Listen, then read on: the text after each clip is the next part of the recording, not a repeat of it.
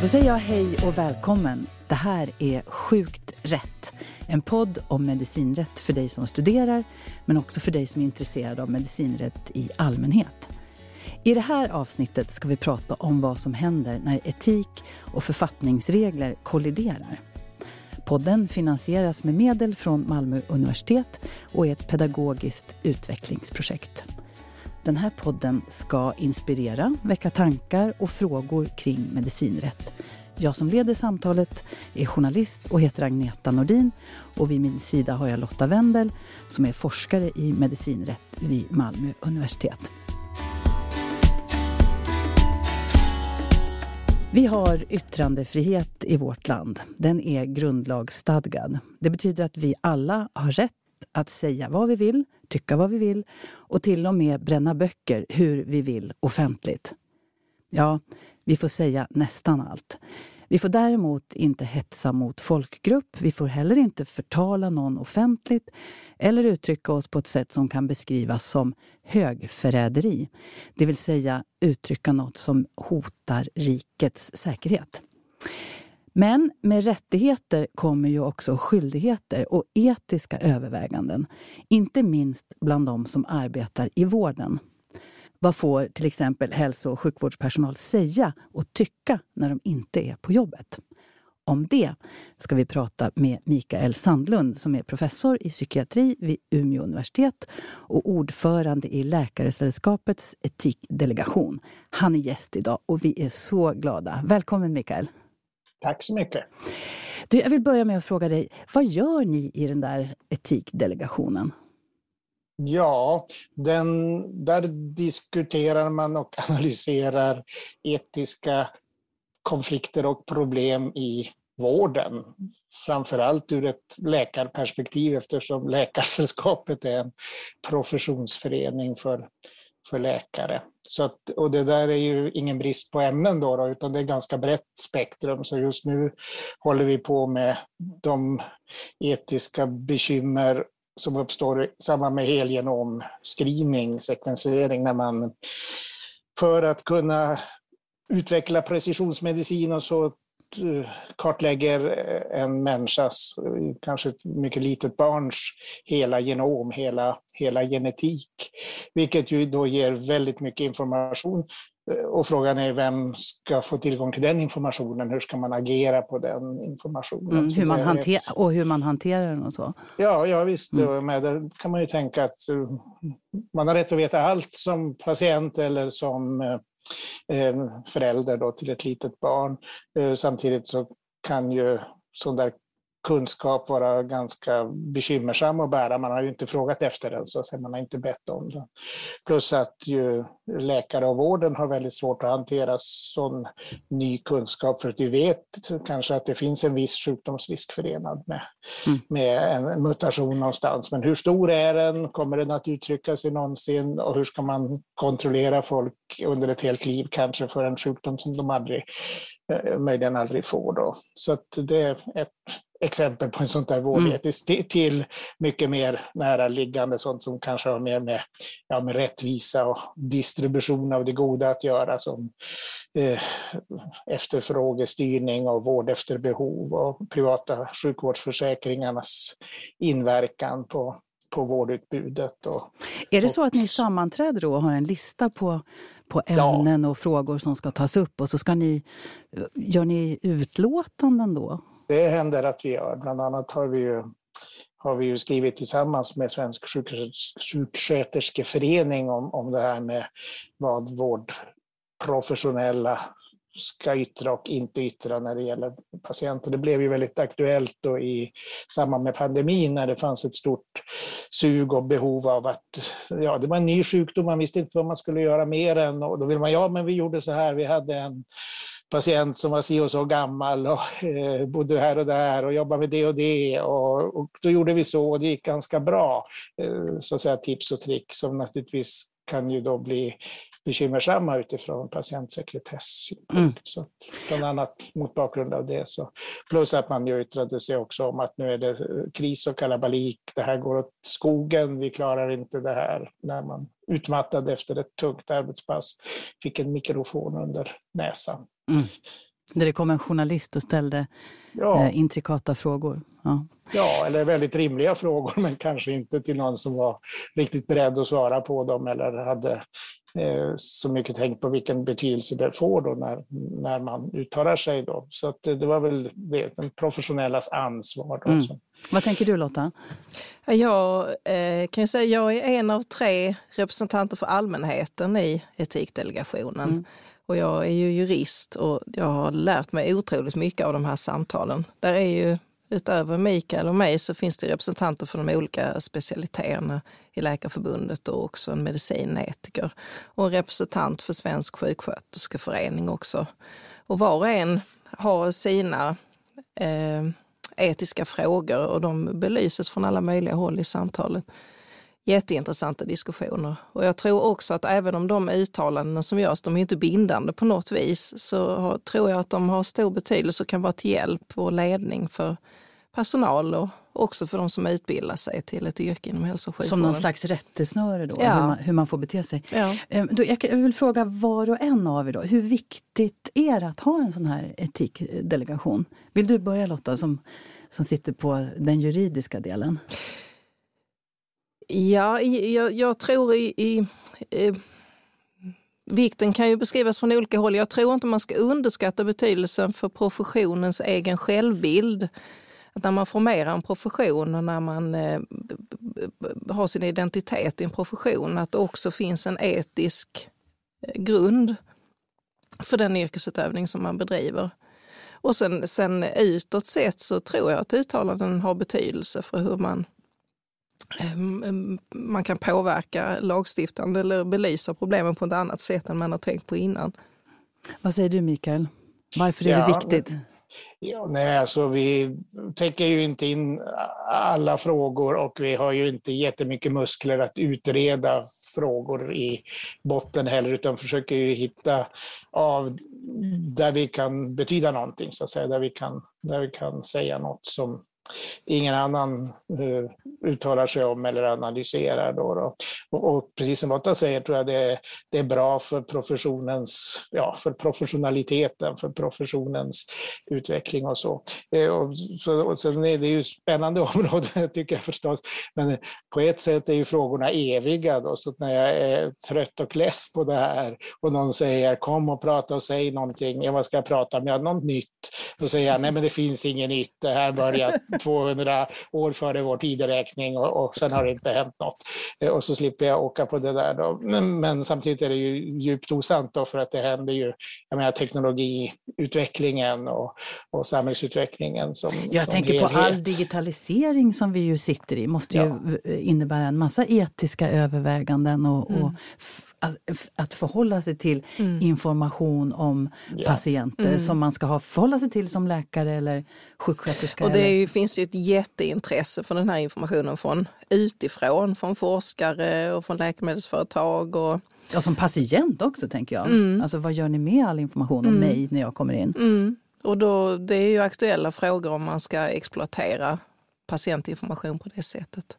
Precis. Mm. Nej, men, och, och, där är det väl så att um, nu får Lotta rätta mig om jag har fel, då, för det gör hon ganska ofta eftersom jag inte är jurist. Eh, men då, som jag tänker så är det nästan en omöjlig uppgift för lagstiftaren att hinna med så att säga mm. i, en sån här snabb mm. Eh, teknisk utveckling och därför är det väl väldigt rimligt att lagstiftningen håller sig ofta på en typ av principnivå mm. och då behövs det olika organ och förhoppningsvis förnuftiga människor som, som funderar över tillämpningen när det kommer en så att säga, ny teknologi eller ett mm. nytt behovsområde. Och det, det är den bästa av dagar kan man väl säga att det är det som bland annat etikdelegationen inom Läkarsällskapet ägnar sig mm. mm. Jag tänkte på det Mikael, förlåt Lotta, ville du lägga till någonting? Det är bara en reflektion. När patientdatalagen kom 2008 så var det ju en av de få tillfällen eh, som lagstiftningen faktiskt var före sin tid. Och man lanserade då det här begreppet sammanhållen journalföring. Att vårdgivare skulle kunna dela Eh, journaler med varandra. Och det, på den tiden gjorde man ju inte det. Men sen, sen dess har det ju gått jätte, jätte, jättefort och idag så är ju alla offentliga vårdgivare, i alla fall regionerna men också en stor del av kommunerna anslutna till det här systemet och några privata. Men, men eh, samtidigt så, så kommer allt det här gigantiska intresset ut, utifrån. Så patientdatalagen idag är det ju många som är väldigt kritiska till och menar att den är helt obsolet som man säger på juristspråk. Ja, och då får du förklara vad obsolet betyder. Ja, att det, det är inte adekvat för vår tid. Mm. Lite efter. Lite, rätt mycket, efter. ja. rätt mycket efter. Eh, Mikael, jag vill koppla tillbaka till, eh, till pandemin. Och då tänker jag på alla de här människorna som, eh, som arbetade inom vården på olika nivåer, läkare, sjuksköterskor och så. Kommer hem jättetrötta, eh, har varit med om mycket eh, jobbiga saker antar jag. Och då vill jag koppla det till nästa fråga, nämligen vad får um, hälso och sjukvårdspersonal säga och göra då? Säg att jag kommer hem, är helt utmattad, jag måste bara få berätta för min partner eller för mina vänner för att ventilera. Vad, vad, vad får jag säga? Det, vi kan börja med det korta svaret och då är man ju bunden av sin tystnadsplikt. Och för offentligt anställd personal regleras den i 25 kapitlet offentlighet och sekretesslagen. Och för privat anställd så är det i patientsäkerhetslagen, 6 kapitlet. Och då är man förbjuden att tala om någonting som handlar om enskilda patienter. Eh, men sen blir det ju svårt för man kan ju behöva bearbeta också och då brukar jag alltid säga att man också måste tänka på det man kallar för bakvägsidentifiering. Så, så om man skulle berätta historien från sitt jobb så finns det alltid risk att även om man inte säger namn eller ålder eller så, så finns det alltid risk för att någon annan har annan information och kan lägga ihop ett plus ett och ändå förstå vem det är.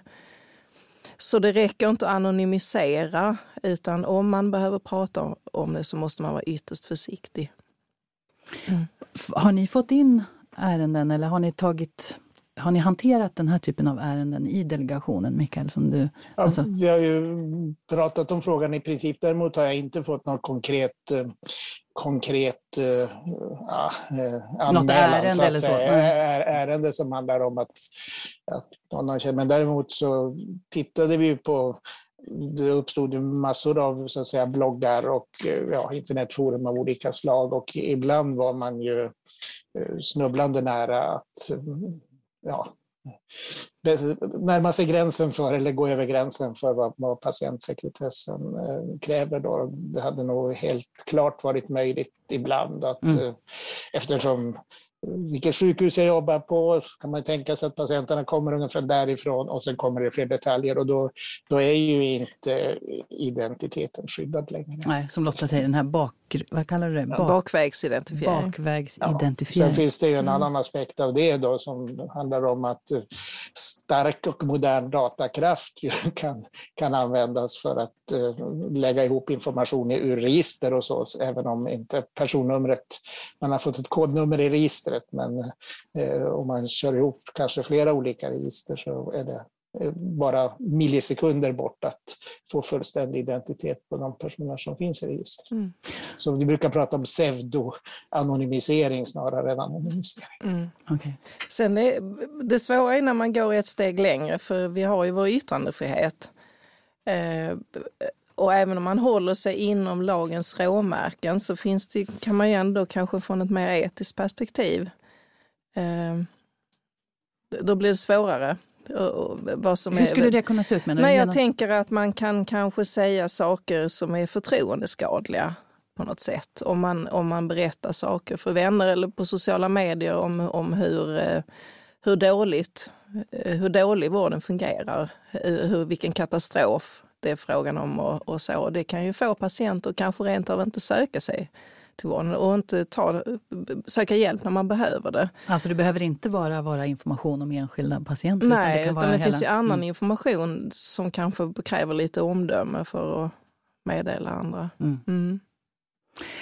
Du, eh, Mikael, tänkte, den händelse som har fått mycket stor uppmärksamhet det var ju när läkaren och psykiatrikern David Eberhardt tillsammans med komikern Aron Flam möttes i podden Dekonstruktiv kritik där gjorde de sig lustiga över skådespelerskan och komikern Bianca Kronlöfs medverkan i eh, Sveriges Televisions Min sanning där hon eh, berättade om ett sexuellt övergrepp som hon hade varit med om. Och då Aron och David satt och skrattade och var lite eh, hånfulla, gjorde sig lustiga på hennes bekostnad. Vad, vad tänker du om det? Jo, när jag tittade på den där podden efter att Lotta hade uppmärksammat mig på att den fanns. Eh, tack för det förresten. Det, det var inte jättekul lyssning. Jag måste säga att jag tyckte, eh, mådde dåligt av det jag såg och hörde där. Då, för jag tycker att det är väldigt fel då när någon, vem som helst, gör sig lustig över och ironiserar över en människa som berättar om traumatiska upplevelser. Då. Det, Hur betydande är det att han är en, eh, han är ju numera en ganska känd psykiatriker, ja, namnkunnig man, i Sverige? En av dess mest högprofilerade och offentliga psykiater, så därför när han uppträder offentligt så blir han ju så att säga ett ansikte för eller en representant för kåren av, av eh, psykiater. Och det innebär i mina ögon ett, ett särskilt ansvar då, då att, att, att, vara det som man bör betänka. Men samtidigt så, jag menar, det finns ju en konflikt där. Yttrandefriheten är ju jätteviktigt till exempel att kunna bedriva den typen av så att säga, vårdetiskt arbete som vi gör i etikdelegationen. Det skulle ju vara omöjligt utan yttrandefriheten för att vi är ju i viss mening kan säkert sjukvårdens huvudmän, ägare och entreprenörer ibland tycka att vi beter oss förtroendeskadligt genom att vi talar om att Nej, men det där det där var dålig praktik, eh, så där bör man inte göra. Och hur tänker ni nu? Och ifrågasätta både eh, praktiker och tankesätt. Och det tycker vi ju är avgörande viktigt. Annars skulle ju, om, om vi var tvungna att alltid stryka medhårs så att säga, så skulle ju arbetet bli meningslöst och vi skulle tappa tappa vårt förtroende. Att, Men jag tänker att det krockar ju lite här, eller blir en, för att eh, man får ju inte då eh, heller eh, offentligt chikanera någon eller kan det, ham kan det hamna där någonstans Lotta, tänker jag, att det här faktiskt är lite du förtal? Du tänker på förtal och ärekränkning? Ja. Ja. Nej, nej det, det ligger ganska det ligger ganska långt Det ska med här. till för det. det ska med till ja. här. Mm. Men det är ju, det, uppenbarligen krockar det ju. Och jag tänker mm. dels för ja. kårens anseende när en så högprofilerad person sitter och gör eh, sig lustig mm. på det här sättet? Nej, jag tänker så här, alltså att eh, om vi nu pratar om läkarkåren, läkarprofessionen åtnjuter ju ett högt förtroende i, i samhället bland allmänheten. Det mäts ju med viss regelbundenhet och, och verkar ju bestå då, genom åren. Och och det är bra och det är ju jätteviktigt. Eh, sak som vi har nytta av och som vi så att säga måste förtjäna. De privilegier som det innebär, ganska bra betalt och ja, möjlighet att uttala sig i olika sammanhang och allt vad det är, är ju liksom delar av de, de privilegierna som följer då. Mm. Men det förtroendet måste, måste förtjänas och bland annat genom att genom att eh, eh, förhålla sig till ja, både kunskaps, aktuell kunskap och aktuell samtalston skulle jag säga. Mm. För att um, det, har, det har större betydelse. Man kan ju tycka att de där personerna i, i, i den där podden är, är dumma så att säga och det får stå för dem. Men det får en lite större betydelse när det är en, när det är en, en yrkesutövare inom, inom, inom sjukvården och inom psykiatrin. Vad tänkte du när du hörde den Lotta? Nej, jag, jag tänker nog väldigt lika med, med Mikael och, och jag, även om det är sagt i någon slags debatt mellan två debattörer så är det klart att jag, eller jag har ju sett också personer som är patienter inom psykiatrin som, eh, som uttrycker rädsla för att vända sig dit om det, om det är så personalen där pratar om en när man inte är i rummet. Eh, då, då, då vill man inte vara med. Och det är, den, det är det omdömet jag tänker att man, att man måste ha på något vis. Att, att patienter ska kunna vända sig till hälso och sjukvården med fullt förtroende om det man berättar där stannar där och att man kommer få ett omsorgsfullt och respektfullt bemötande. Mm. Trygghet till mm. exempel. Ja. Mm.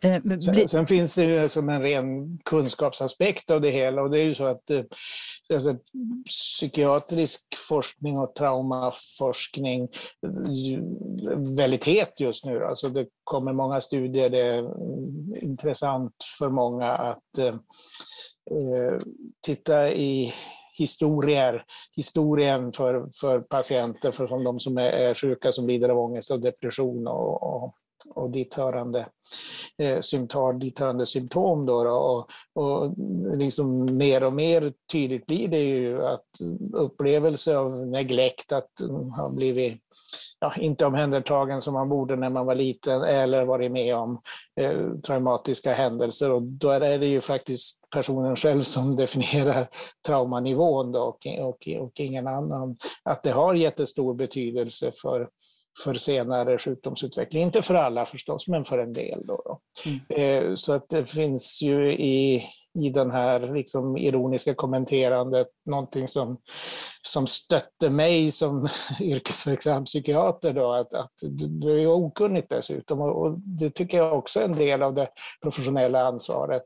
Att man faktiskt ska hålla sig uppdaterad med med recent knowledge helt enkelt. Vad, som, vad, är, vad är dagens evidens? Man kan liksom inte, inte ånga på i, i gamla fotspår och det tror jag är en förväntan, vet jag är en förväntan som, som patienter har också, att man ska få så att säga kunskapsbaserad, evidensbaserad vård. Och dessutom finns det ju väl en laglig skyldighet, eller hur Lotta, att jo, arbeta ja. enligt vetenskap och beprövad erfarenhet. Precis. Då bör man ju även i andra sammanhang än när man behandlar enskilda patienter mm. förhålla sig till begreppet vetenskap och beprövad erfarenhet. Mm. Mm.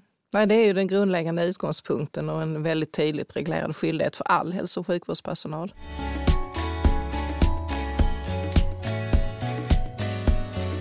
Du lyssnar på Sjukt rätt, podden om medicinrätt, om etik och moral och yttrandefrihet. Gäst är Mikael Sandlund, professor i psykiatri vid Umeå universitet och ordförande i Läkarsällskapets etikdelegation. Eh, I riktlinjerna för Läkarsällskapet och Vårdförbundet så betonas tystnadsplikten, nämligen att enskilda patienter inte ska röjas. Hur är den där sekretessen reglerad, Lotta? Ja, den är reglerad. Det är ett omvänt skaderekvisit och en stark sekretess eh, som gör att det finns alltid en presumtion för sekretess för patienten och för patientens närstående som också skyddas av, av paragrafen.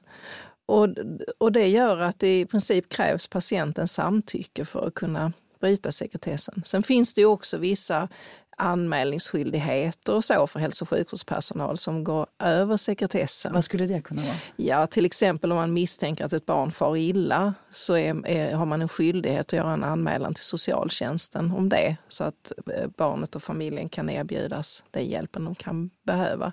Men annars så är det, ett, ett, är det en presumtion för sekretess.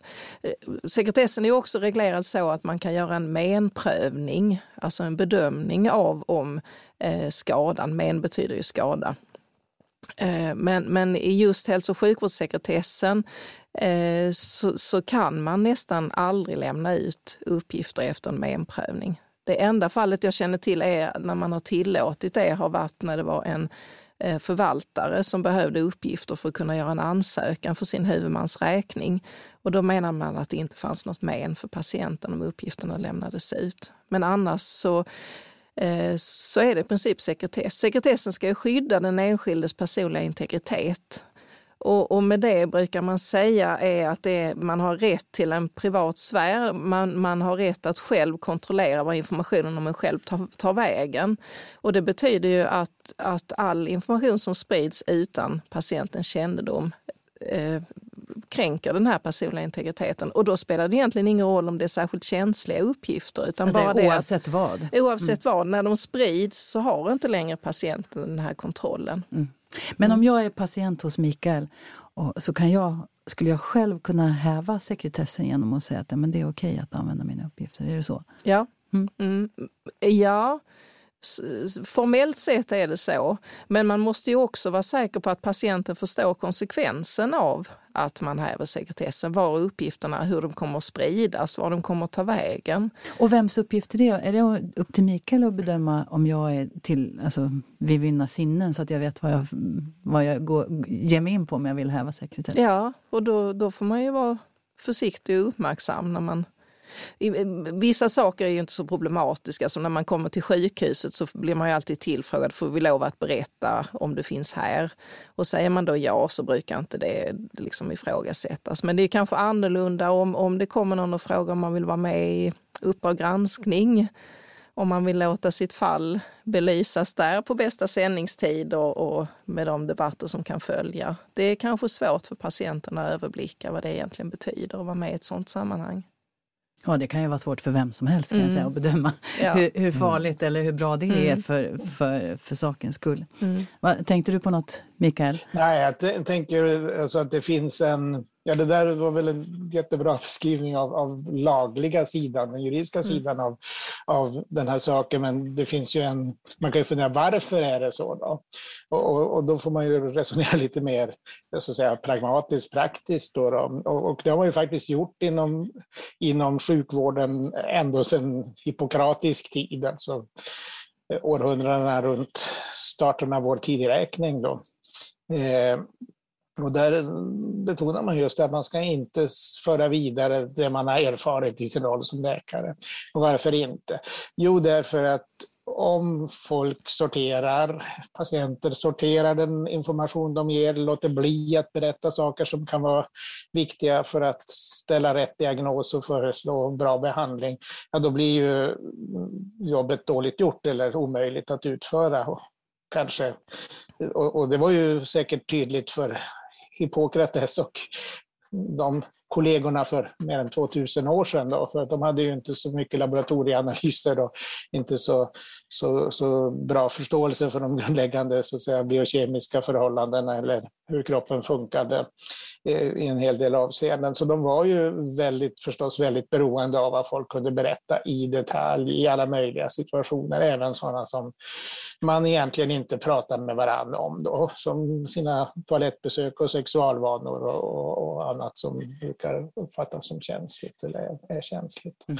Så därför har det liksom en, en, en, praktisk aspekt och den är ju viktig än idag naturligtvis, även om det finns massa undersökningsmetoder man kan titta in i folk både här och där och från, från alla vrår och vinklar. Eh, så det är ju, skulle jag säga, den så att säga, sakliga bakgrunden till sjukvårdssekretess, patientsekretess. Mm.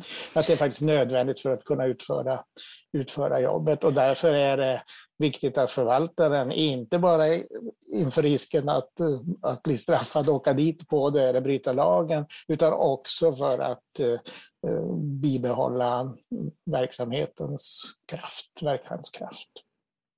När man, eh, när man införde skyldigheten att dokumentera i, eh, allmänt på, på 50-talet så var det en stor diskussion om det och, och, särskilt från läkarhåll och särskilt från psykiatriker var man emot en skyldighet att föra patientjournaler. Och det var just av det skälet att man trodde inte att patienter skulle tala fritt eller ens vända sig till vården om de visste att det fördes anteckningar om det som man berättade. Så sekretessen eh, eh, blir ju extra viktig. Sekretessen har ju blivit ett skydd för, ja, för att, att man ska, ska våga, kunna, ja. våga prata mm. och berätta. Mm. Mm. mm. Intressant. En fråga som jag funderar på, Mikael. Hur viktigt är det, tycker du, att hälso och sjukvårdspersonal att de deltar i eh, samhällsdebatten eller diskussionen. Jag tänker om man kopplar tillbaka till det där med påfrest, påfrestningar mm. efter pandemin och så till exempel. Men det är ju jätteviktigt förstås. Eh, inte minst tänker jag på det eftersom vi är i ett valår. Att det, det är riksdagsval, och regionval, landstingsval och kommunalval här till hösten. Eh, och då brukar ju frågor som har med hälso och sjukvård att göra vara ganska viktiga eller komma upp och diverse politiska idéer presenteras om hur allting skulle bli bättre och så. Eh, och det där är väl liksom med skräckblandad förtjusning som jag noterar vad som händer, brukar hända valår. Då, för att det är ju en blandad konfekt kan man väl säga. Av Menar du valfläsk och sånt? Ja, både valfläsk och vallöften. Eh, reformer som ibland genomförs och ibland inte genomförs, som ju kan tjäna goda syften och vara, vara viktiga då för vården och ibland kanske få motriktade syften. Och I det sammanhanget är det ju jätteviktigt att vi som jobbar i vården och har den så att säga, första personinsikten i hur det är får komma till tals och eh, törs komma till tals och ta ställning till de här förslagen och nyansera dem eller problematisera dem mot den bakgrunden. Så att det, är, det är jätteviktigt alltså om, om eh, så att säga, politiken får bli den enda rösten om vad som är bra och dåligt och hur vården bör förbättras, då, då är det illa. Men jag tänker, att, nu har vi, ju sett, vi har ju sett under året uh, olika demonstrationer, vi har haft barnmorskor, vi har haft ja. folk på gator och torg och uh, demonstrerandes ja, ja. sina rättigheter och det, det påverkar väl, tänker jag. Lotta ja. nickar instämmande. Ja, det tror jag alldeles säkert att det gör. Ja. Det, det, det gör det alldeles säkert. Mm. Mm.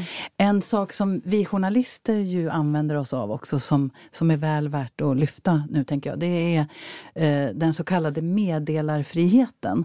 Jag upptäcker att det är ofta så att eh, faktiskt vårdpersonal inte riktigt känner till den här rättigheten som man har. Och den kopplad till att det är viktigt att vårdpersonal hörs, tycker jag är viktigt att betona. Och det är ju det att vårdpersonal faktiskt, eller all offentliganställd personal, har rätt att uttala sig eh, och prata med, med journalister. Och att man som arbetsgivare där inte har rätt det är till och med lagstadgat förbjudet, att efterforska vem det är som har lämnat de här uppgifterna. Mm. Det kan ju också vara tänker jag, en trygghet för personal om man nu inte vill gå ut och, och, mm. och känna sig illojal mot en eh, avdelning eller klinik eller för den del sjukhus mm. som funkar skitdåligt. Mm. Att man kan använda sig av den möjligheten. Mm. Får du frågor kring det här eh, i din undervisning? Ja, det händer, men det tycks vara ganska okänt. meddelarfriheten är ingen, ingen, ingen vital aktiv kunskap och det är lite synd för precis som du säger så är det väldigt viktigt. Och utöver det att, att eh, arbetsgivaren inte får efterforska så om det är så att man eh, talar fritt som man gör på en demonstration eller en intervju eller så så får man ju heller inte bestraffa på något vis den som har, eh, har yttrat sig. Och det, meddelarfriheten är ju en del av offentlighetsprincipen eh, som hänger ihop med, med yttrandefriheten och så vidare som är ytterst skyddad i, i grundlagen. Sen ser det lite olika ut beroende på om man arbetar i offentlig tjänst eller om man arbetar för en privat vårdgivare. Arbetar man till exempel för en region eller för en kommun eh, så skyddas ju det här i, i grundlagen ytterst och sen så står det i offentlighet och sekretesslagen. Och där är det så fiffigt så där har ju varje samhällsområde sitt kapitel och hälso och sjukvården har kapitel 25. Och den sista paragrafen i varje kapitel reglerar meddelandefriheten. Eh, och den innebär kort att man får lov att lämna all information som inte identifierar enskilda patienter. Eh, och det är ju både muntlig och skriftlig information. Eh, det skriftliga omfattas ju också av offentlighetsprincipen. Ehm, men jobbar man privat så har man ju inte den grundlagsstadgade yttrandefriheten i förhållande till sin arbetsgivare. Och då har man istället infört en särskild lag för de som är privatanställda. Och skillnaden är, den största skillnaden där är att man inte kan lämna några handlingar utan man kan bara meddela sig muntligt. Men hur är det med arbetsgivaren? Får den rada upp personalen då och säga var det du eller du eller du eller du som, som läckte här till, till den lo lokala dagstidningen? Nej, det får ingen arbetsgivare göra. Det får ingen arbetsgivare göra. Men sen tycker jag, men det kanske är för att jag är jurist, det, det är ju klart att en, en regel som, som grundar sig i grundlagen är kraftfullare än en som grundar sig på en vanlig lag. Men eh, principerna ska ju vara de samma. Mm. Mm. Vad säger du Mikael? Om med... Alltså mycket jurist är man ju alltid rädd för att bryta lagen.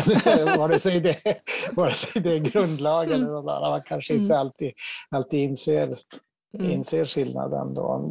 Men det är väl viktigt att man så långt som man nu har gjort jämställer privat anställda med offentligt anställda i de här avseendena. För det är svårt, tycker jag, att hitta någon så att säga, logisk hållbar förklaring till varför det skulle vara en skillnad eftersom mm. de här privata företagen på hälso och sjukvårdsområdet ju nästan alltid arbetar helt eller delvis på uppdrag av en, en region. Ja, under paraplyet.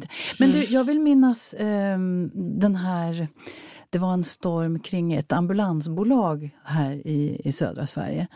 Eh, som, där personalen ehm, jag kommer, inte, jag kommer inte ihåg detaljerna, men det var några oegentligheter. Men att det där fanns reglerat att, precis som Mikael säger, eftersom man jobbar på uppdrag eller under regionens paraply så lyder man under samma lagstiftning, även om det är ett privat bolag. Nej, offentlighet och sekretesslagen gäller ju bara offentliganställda. Innan den här lagen kom så försökte man reglera det i avtal när man handlade upp vård från privata vårdgivare. Eh, att, att den privata vårdgivaren skulle förpliktigas att tillämpa de här principerna i sin verksamhet. Eh, men då, återigen som jurist, då, då var det bara reglerat i ett avtal. Så när man bröt mot de här bestämmelserna så bröt man mot ett avtal och det är ju någonting annat än att bryta mot en lag. Mm. Men nu det finns skulle... ju lagen. Det skulle till och med jag fatta. Vad bra Mikael, och jag förstod också. Nej, men, grattis Lotta! Du har tagit ett steg framåt. Klockrent! Hörrni, ni, eh, det går fort när man har roligt så att det är faktiskt dags att sätta punkt. Mikael Sandlund, tack så hemskt mycket. Professor i psykiatri vid Umeå universitet och ordförande i Läkarsällskapets etikdelegation. Tack så hemskt mycket för att du var med. Lotta, vad tänker du? Har du någon avslutande reflektion kring det vi har pratat om? Det vi har pratat om idag är väl ett bra exempel på att man faktiskt inte kan lagreglera allting. Utan eh, att om saker och ting ska fungera på ett bra sätt så krävs det också att man lämnar en del frågor till människors omdöme. Och, mm. och då får man lita på omdömet? Mm. Mm. mm. Man kan träna sitt omdöme också. Men en del saker måste man lämna dit. Okej, ska vi säga så? Det gör vi. Tack, tack och hej. Tack, tack. Mm. Sjukt rätt produceras med medel från Malmö universitet för pedagogisk utveckling och kollaborativt lärande. Det är produktionsbolaget Lokat Media som producerar och jag som leder samtalen är journalist och heter Agneta Nordin. Vi hörs snart igen.